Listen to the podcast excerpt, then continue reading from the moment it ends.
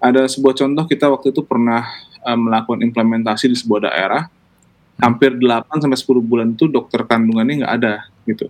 Okay. Jadi walaupun ibunya dirujuk ke rumah sakit, dokter kandungannya nggak ada kan gitu. Nggak ada nah, dokter nah, di rumah sakit itu.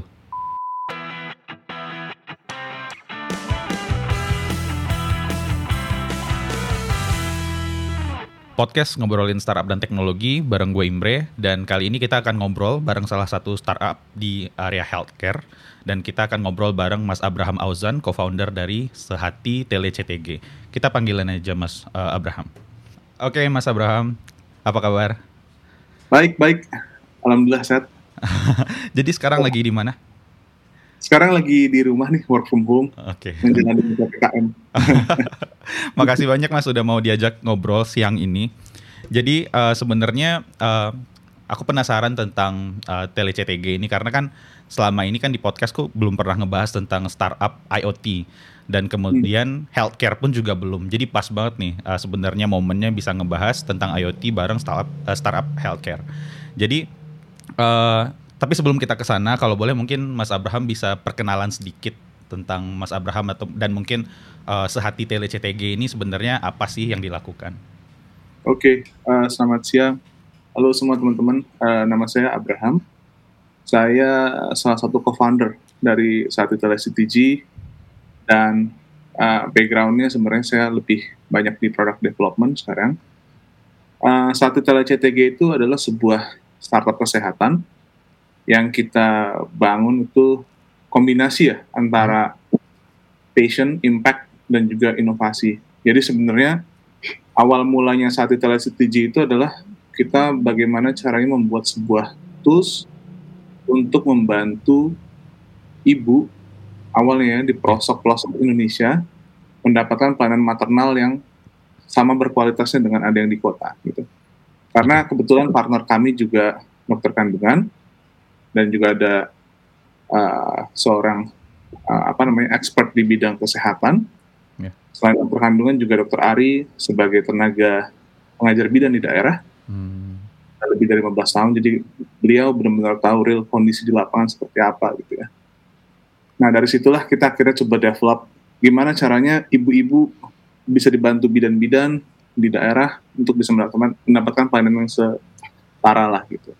Karena memang, memang berdasarkan data di Indonesia ini 5,4 juta ibu hamil ya setiap tahunnya gitu dan dokter kandungan cuma 6 ribu gitu kan. Oh, Oke. Okay. Berbanding 13 ribu, 12 ribu dan 60 persen dokter kandungan ada di Pulau Jawa, 60 persen dan 60 persennya ada di uh, Jabodetabek gitu. Oh, Oke. Okay. Jadi kita bayangin kalau kita ada 17 ribu pulau di Indonesia, nggak mungkin ada satu dokter satu pulau jadi ini, ini yang menyebabkan angka kematian uh, ibu angka kematian neonatal sama stunting cukup tinggi di Indonesia gitu. Itu apakah uh, Mas ngelakuin ini karena uh, punya pengalaman pribadi atau seperti apa sih Mas? Ide awalnya itu yang nge-trigger gue harus bikin ini nih.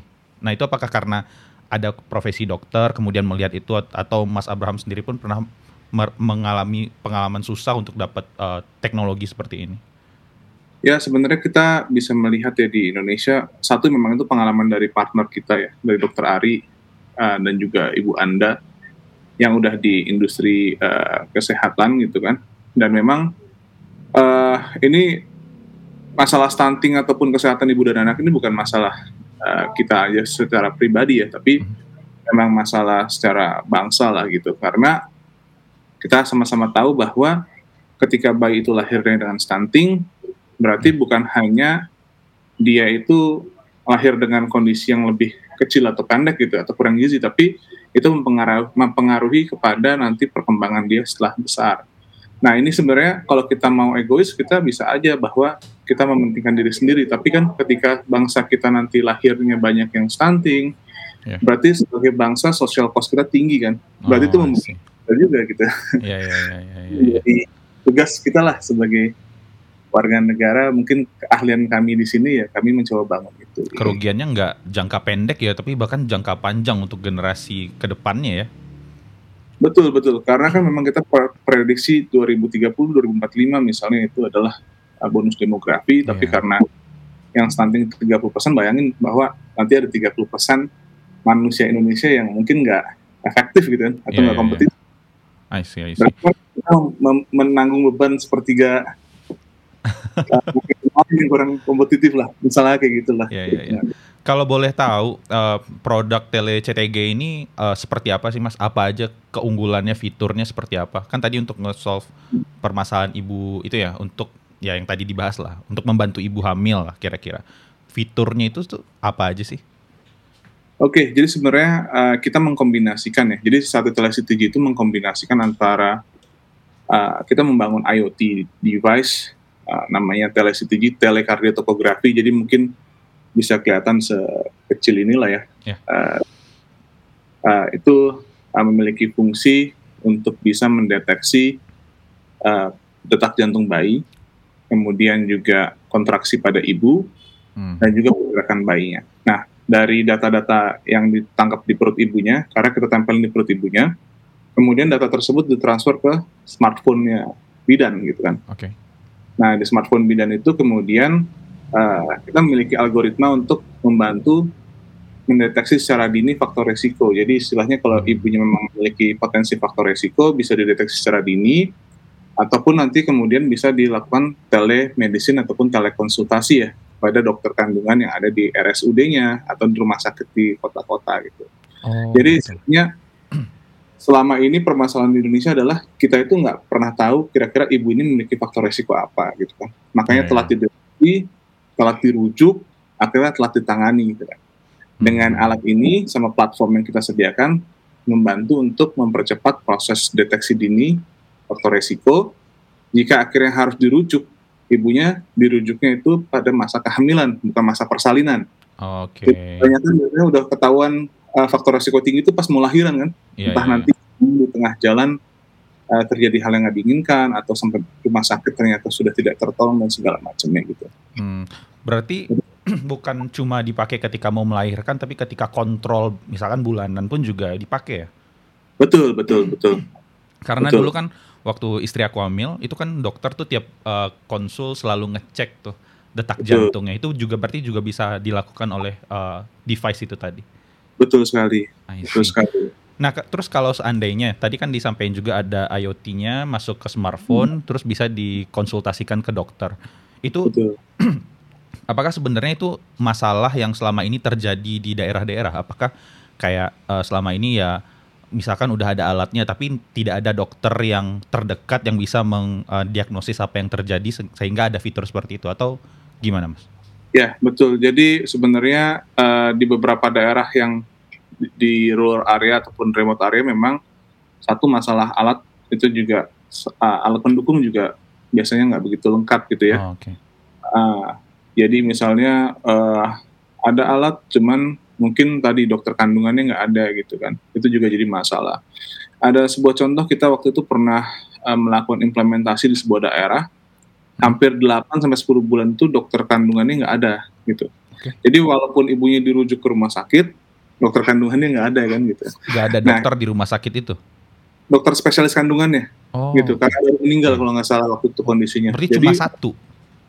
cuman satu dan habis itu meninggal gitu kan. Oke. Jadi kita bayangkan kalau ibu yang punya faktor resiko, bidan itu berkonsultasi ataupun uh, melakukan rujukan ke siapa gitu kan. Iya. Itu juga jadi masalah. Makanya akhirnya dengan solusi ini waktu itu di daerah tersebut, uh, contohnya waktu itu kita di daerah uh, Kabupaten Kupang ya gitu. Uh, kita akhirnya berkolaborasi dengan dokter-dokter kandungan yang memang ada di luar daerah tersebut untuk memberikan Oke. uh, apa uh, interpretasi ya gitu, membantu interpretasi.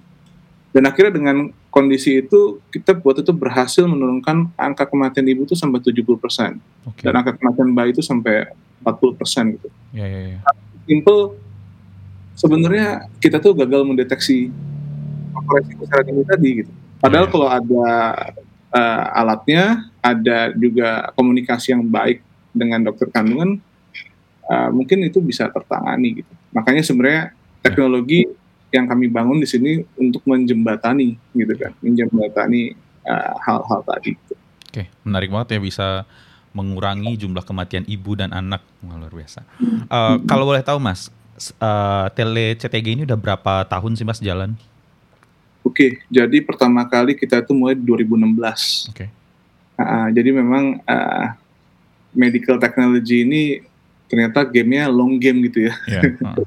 Yeah. Uh. apalagi kita yang kita yang, yang kita bangun tuh nggak cuma platform, tapi kita juga bangun device ini gitu. Yeah. Jadi device ini dikonsider sebagai medical device. Jadi dari IoT naik jadi medical device uh, dan compliance itu lumayan panjang gitu. Oh, I see. Jadi ada proses uh, clinical trial, kemudian ada proses uh, compliance misalnya uh, kita uh, pengecekan karena ada elektronikanya harus ada sertifikasi dari IEC 6061 gitu. Oh. Itu harus dimasukin labnya nggak ada di Indonesia, labnya di Singapura misalnya waktu itu. Bahkan nggak sembarangan juga ya? Betul, betul. Dan akhirnya sampai di mana compliance-nya lengkap, kita baru submit dokumennya ke Kemenkes 2018 November itu baru keluar izin edarnya sebagai alat kesehatan dalam negeri. Mm-hmm. Nah dari itulah sebenarnya baru bu- boleh dipakai tuh. Oh. Baru piloting kan malahan. Berarti itu 2016 itu apakah start uh, eh, R&D-nya atau sebenarnya udah ada tapi kemakan waktu untuk proses yang tadi ngurus administrasi, uh, izin dan segala macam? 2016 itu kita mulai prototype, hmm. uh, kita mulai pro, uh, clinical trial, compliance dan baru registrasi gitu kan. Oke. Okay. Dan dalam aplikasi kita ini juga karena memiliki fungsi untuk ngebangun, membantu apa ya, ada algoritma untuk membangun penegakan diagnosa. Jadi softwarenya di consider software as medical device. Oh, Oke. Okay. Itu ada other compliance lagi dan kita di assess juga sama Kemenkes apakah datanya uh, benar, outputnya segala macam. Karena kan gimana pun juga ketika ada salah analisa kan itu menjadi tanggung jawab kita kan. Betul, Jadi betul. cukup panjang kalau kita membangun uh, medical teknologi yang basisnya adalah memang uh, medisnya gitu kan, yeah, bukan yeah. Uh, bukan on demand ataupun uh, marketplace-nya gitu. Uh, aku jadi punya pertanyaan mas, apakah hmm. hal-hal seperti itu, misalkan kayak compliance dan segala macam itu, uh, menurut Mas Abraham jadi satu hambatan untuk kita tuh mungkin punya banyak produk medical teknologi lagi. Betul, uh, menurut aku bukan hambatan ya, uh, karena di luar sana pun uh, ketika kita mendevelop sebuah teknologi kesehatan, pasti compliance-nya panjang. Hmm. Di US pun ada FDA, uh, di China pun sekarang udah China FDA juga gitu kan. Oh, okay. Karena gimana pun juga ketika ini digunakan menjadi alat diagnostik, maka ada patient safety di dalam situ, ada dokter safety juga yang harus kita lindungi dan jangan sampai jadi malpraktek lah gitu. Makanya iya. ini prosesnya cukup panjang gitu. Nah, sayangnya di Indonesia mungkin uh, kalau aku lihat ini sih mungkin banyak teman-teman di Metek yang uh, belum tahu informasinya misalnya lebih dalam rinciannya seperti apa. Yang okay. kedua ternyata juga yang aku lihat uh, jiper juga ya mengurutin proses itu gitu iya, kan. Iya. Aku aja yang dengarnya wow. Gak kebayang gitu mau ngejalaninnya kayak gimana. Sebenarnya ada yang ketiga juga masalahnya karena memang satu lagi adalah dari sisi investasi menurut aku. Iya, Ini iya, juga iya. sebaiknya kita menjadi apa uh, apa area untuk informasi juga nih mungkin bisa mengedukasi teman-teman investor nih dari sini. nah, mostly investor di Indonesia yang aku lihat beberapa tahun terakhir itu banyaknya adalah fokus di marketplace sama fintech Betul. gitu kan. Yang sifatnya yang lebih retail kali ya. Sifatnya lebih retail dan juga appetite-nya gamenya lebih cepet lah. Iya betul. Jadi maksudnya injection masuk, growth naik gitu. Ya, Sedangkan ya. kalau kita misalnya 2016 diinjek, baru 2021 nih kita masuk market stage nih. Oh, iya sih. Oke nah. oke oke oke. Apakah Betul. itu sebenarnya angka yang sebenarnya juga maksudnya apakah itu durasi yang sebenarnya juga common untuk semua bisnis medtech bahkan di luar Indonesia? Common sih. Karena riset dan FDA itu prosesnya bisa makan waktu 3 sampai 5 tahun sebenarnya. Oke oke oke. Kalau okay. sendiri ya.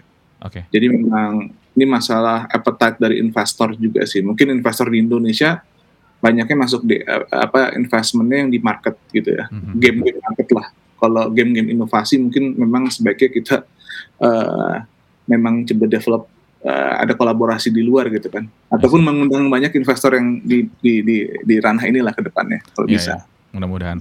Uh, aku jadi penasaran kalau seandainya kita ngomongin uh, teknologinya sendiri, Mas, itu kan IoT ya. uh, kalau kita balik lagi ke obrolan tadi di mana uh, kebanyakan ya kalau kita ngelihat uh, startup, industri tech sekarang itu kan produknya ya mobile apps, batas mobile app. Hmm. Sementara kalau ini kan IoT ada mobile app-nya juga, ada device IoT-nya sendiri. Karena kalau kalau hardware development, misalkan release cycle-nya kan lumayan lama ya karena nggak kayak software yang bisa nanti di patch atau di update. Nah itu kalau di IoT, IoT ini sendiri tantangannya itu apa sih mas yang paling berasa di tele CTG ini? Uh, aku setuju tadi memang produk life cycle-nya ini development cycle-nya nggak se-agile aplikasi ya. Yeah. Karena kita ngerubah satu fitur aja, misalnya ada perubahan di skematik desain PCB-nya, itu berarti kita harus mengulang semua proses uh, apa namanya compliance lagi. Jadi oh. harus masuk lab lagi, keluar sertifikat lagi.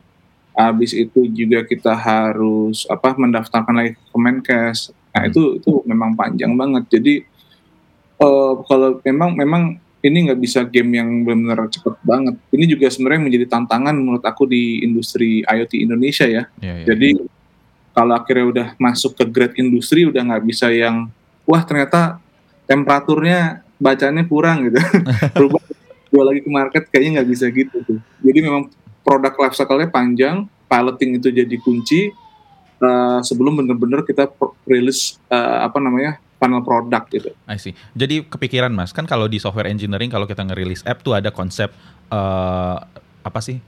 Uh, break fast, learn fast. Kan ya kita hmm. rilis saja, kemudian kita belajar dari situ secepat mungkin.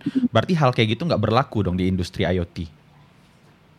Sebenarnya kalau di kan kalau aku pahami gini ya, jadi dalam produk development di di electronics atau di IoT itu kan yeah. memang benar-benar ada uh, prototype stage gitu ya.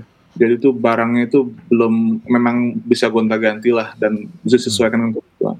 Masuk kedua setelah compliance, barang setelah compliance itu di pilot, piloting stage. Nah di piloting stage ini udah harus muncul sampel unit yang udah ready di industrialize oh, gitu. Okay. Nah ini udah harus lengkap sampai ada design for manufacturing. Habis itu karena pembangunan IoT ini nggak cuman kayak kita beli Arduino atau yeah. uh, Raspberry Pi itu otak atik itu baru di stage tuh. Tapi ketika kita udah mau masuk ke industri, kita juga harus tahu supply chain globalnya nih. Apakah hmm. misalnya uh, apa namanya sebuah resistor ini uh, di apa di pabrik sananya itu masih akan diproduksi dalam setahun dua tahun ke depan gitu. Nah itu harus gitu. dalam itu. Kalau oh. enggak nanti Uh, tiba-tiba komponennya habis ya? Komponen nggak ada. Wah luar biasa. Aku elektro, oh. tapi uh, sejak lulus itu pindah ke software engineering. Bahkan aku pun hmm. yang sendiri anak elektro dulu sering bikin uh, mainan kayak gitu. Bahkan nggak kepikiran sampai sana ada proses hmm. yang oh bahkan resistor pun harus dipikirin supply chainnya kayak gitu. Oke oke. Okay, okay. Nah uh, kalau boleh tahu nih Mas, uh, bisnis model dari tele uh, CTG ini kayak gimana sih? Ada yang bisa di-share nggak Mas? Iya, jadi sebenarnya tele CTG ini uh, kita itu melihat dari struktur ini dulu ya, masalah ya. Hmm. Jadi permasalahan utama di Indonesia yang tadi kami sebutkan kayak angkat kematian ibu, anak, stunting segala macam itu banyaknya di ranah-ranah uh, coverage-nya public healthcare gitu kan. Oh, Oke. Okay. Jadi memang kita ini membangun awalnya membelah dua market lah, ada B2B sama B2G gitu. Uh-huh. Nah, B2G ini memang kita masuk ke puskesmas, masuk ke polindes, uh, masuk ke dinas kesehatan. Makanya uh, akhirnya jalan yang kita harus ambil adalah harus lewat semua compliance pemerintah. Jadi oh. harus masuk KPP, e-katalog dan segala macam. Yeah. Yang kedua, kenapa akhirnya harga kita yang terpampang di katalog itu begitu mahalnya gitu kan mungkin bisa dilihat sendiri nanti hmm. karena alur penganggaran pemerintah ini nggak bisa monthly subscription hmm. itu anggaran budgetnya adalah tahunan gitu kan oh, dan itu okay. harus termasuk biaya training biaya logistik biaya servis makanya kita compile satu bundling paket untuk satu puskesmas dengan harga tersebut udah termasuk dari alat beserta dengan semua platform subscriptionnya untuk satu tahun dan servisnya gitu. Oke okay, oke okay, oke. Okay.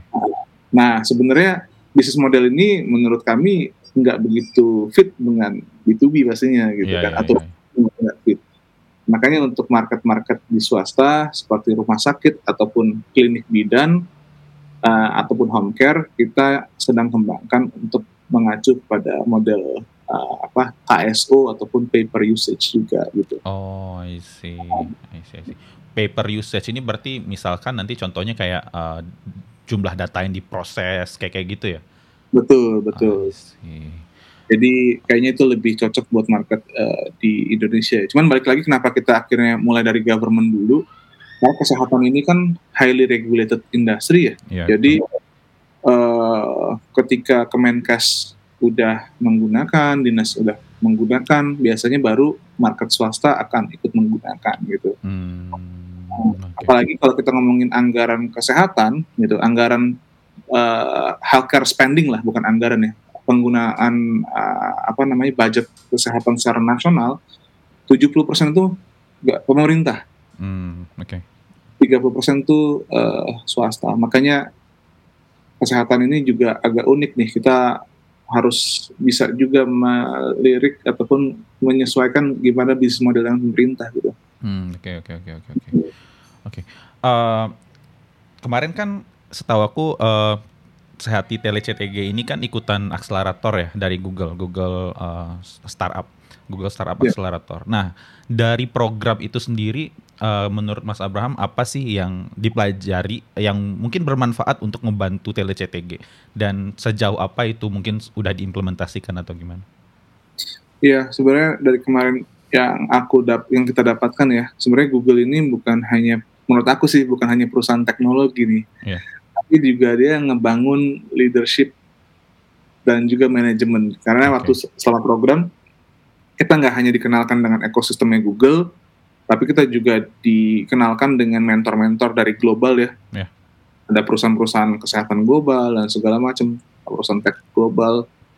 Kita belajar gimana caranya memiliki mindset untuk membangun uh, bisnis yang memang baik uh, dan juga excellence lah secara operation, yeah. leadership dan juga sebenarnya yang kami yakini sih sebenarnya dengan kita kan bangun startup nggak bisa sendirian ya. Yeah. Dengan adanya ekosistem Google itu sebenarnya udah banyak membantu gitu. Misalnya uh, dari cloud-nya aja udah sangat membantu kami untuk bisa melakukan skala skala skalasi bisnis. Yeah. Habis itu juga datanya untuk uh, apa analitik kayak gitu ya? Ya apalagi kayak Google kan punya TensorFlow ya. Iya, iya. itu juga digunakan banyak untuk riset kesehatan. Jadi sangat menarik banget untuk bisa berkolaborasi.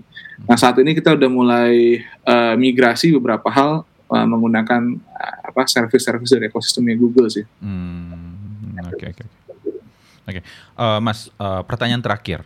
Uh, kalau boleh ada nggak satu atau dua hal yang bisa lo share sebagai uh, co-founder di bidang medtech tadi ya uh, untuk mungkin co-founder co-founder atau calon co-founder yang mungkin nanti pengen bergerak juga di bidang ini? Kalau gue yakini sebenarnya di medtech ini industri yang uh, kita harus imbang nih. Satu seimbang paham bisnisnya, okay. paham industrinya, maksudnya industri kesehatan yang kedua juga kita harus memiliki uh, passionnya dan juga apa objektif yang clearnya gitu, maksudnya masalah apa yang kita mau kelarkan. Hmm. Karena kalau kita cuman akhirnya di sisi ngomongin sisi bisnisnya, nanti kita sangat uh, apa nggak bisa menemukan tujuan akhir ya kan kita bikin uh, teknologi ini untuk membantu siapa gitu kan. Oke. Okay.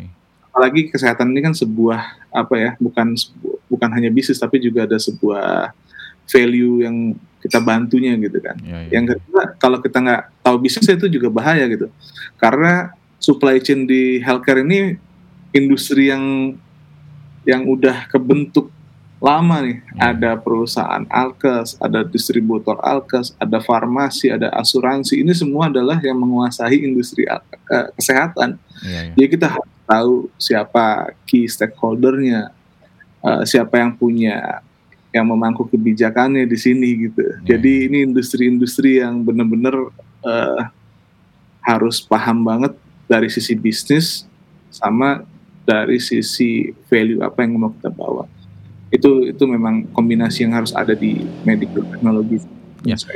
Uh, satu pertanyaan lagi mas. Tadi uh, tiba-tiba kepikiran gara-gara Mas Abraham nyenggol ini. Jadi uh, dengan banyaknya tadi sesuatu yang harus dipahami, uh, mungkin ada regulasi dan segala macam. Hmm. Apakah sebenarnya ini menjadikan uh, bisnis bukan bisnis ya, mungkin sektor kesehatan ini susah untuk didisrupsi? Aku bisa bilang iya, itu pengalamanku sih gitu ya. Jadi memang didisrupsi kita kita mencoba mendisrupsi, cuman kita juga harus uh, memahami stakeholder stakeholder utamanya gitu kan hmm. uh, yeah. dan ini industri yang lumayan lumayan udah terbentuk lama lah gitu yang bisa aku sampaikan yeah, jadi yeah. kalau disrupsi mungkin kita juga harus bisa menggait stakeholder tersebut lah untuk bisa sama-sama mengaccelerate gitu. Iya iya iya. Oke, okay, hmm. menarik. Uh, thank you banget Mas Abraham udah mau ngobrol siang ini uh, menarik banget diskusinya tentang IoT, tentang tele-CTG. Mudah-mudahan apa yang dilakukan oleh uh, Mas Abraham dan, dan teman-teman di Sehati tele-CTG bisa uh, menyelesaikan banyak hal lah dan bermanfaat untuk banyak orang. Amin. Amin, amin. Oke, okay, uh, aku closing dulu ya Mas ya. Oke, okay, uh, segitu dulu. Terima kasih untuk teman-teman yang udah mendengarkan. Kalau seandainya ada saran, masukan, atau feedback tentang episode ini dan episode yang akan datang, silahkan mention gue di Twitter, di @imrenagi. Sampai ketemu lagi di episode berikutnya. Assalamualaikum warahmatullahi wabarakatuh.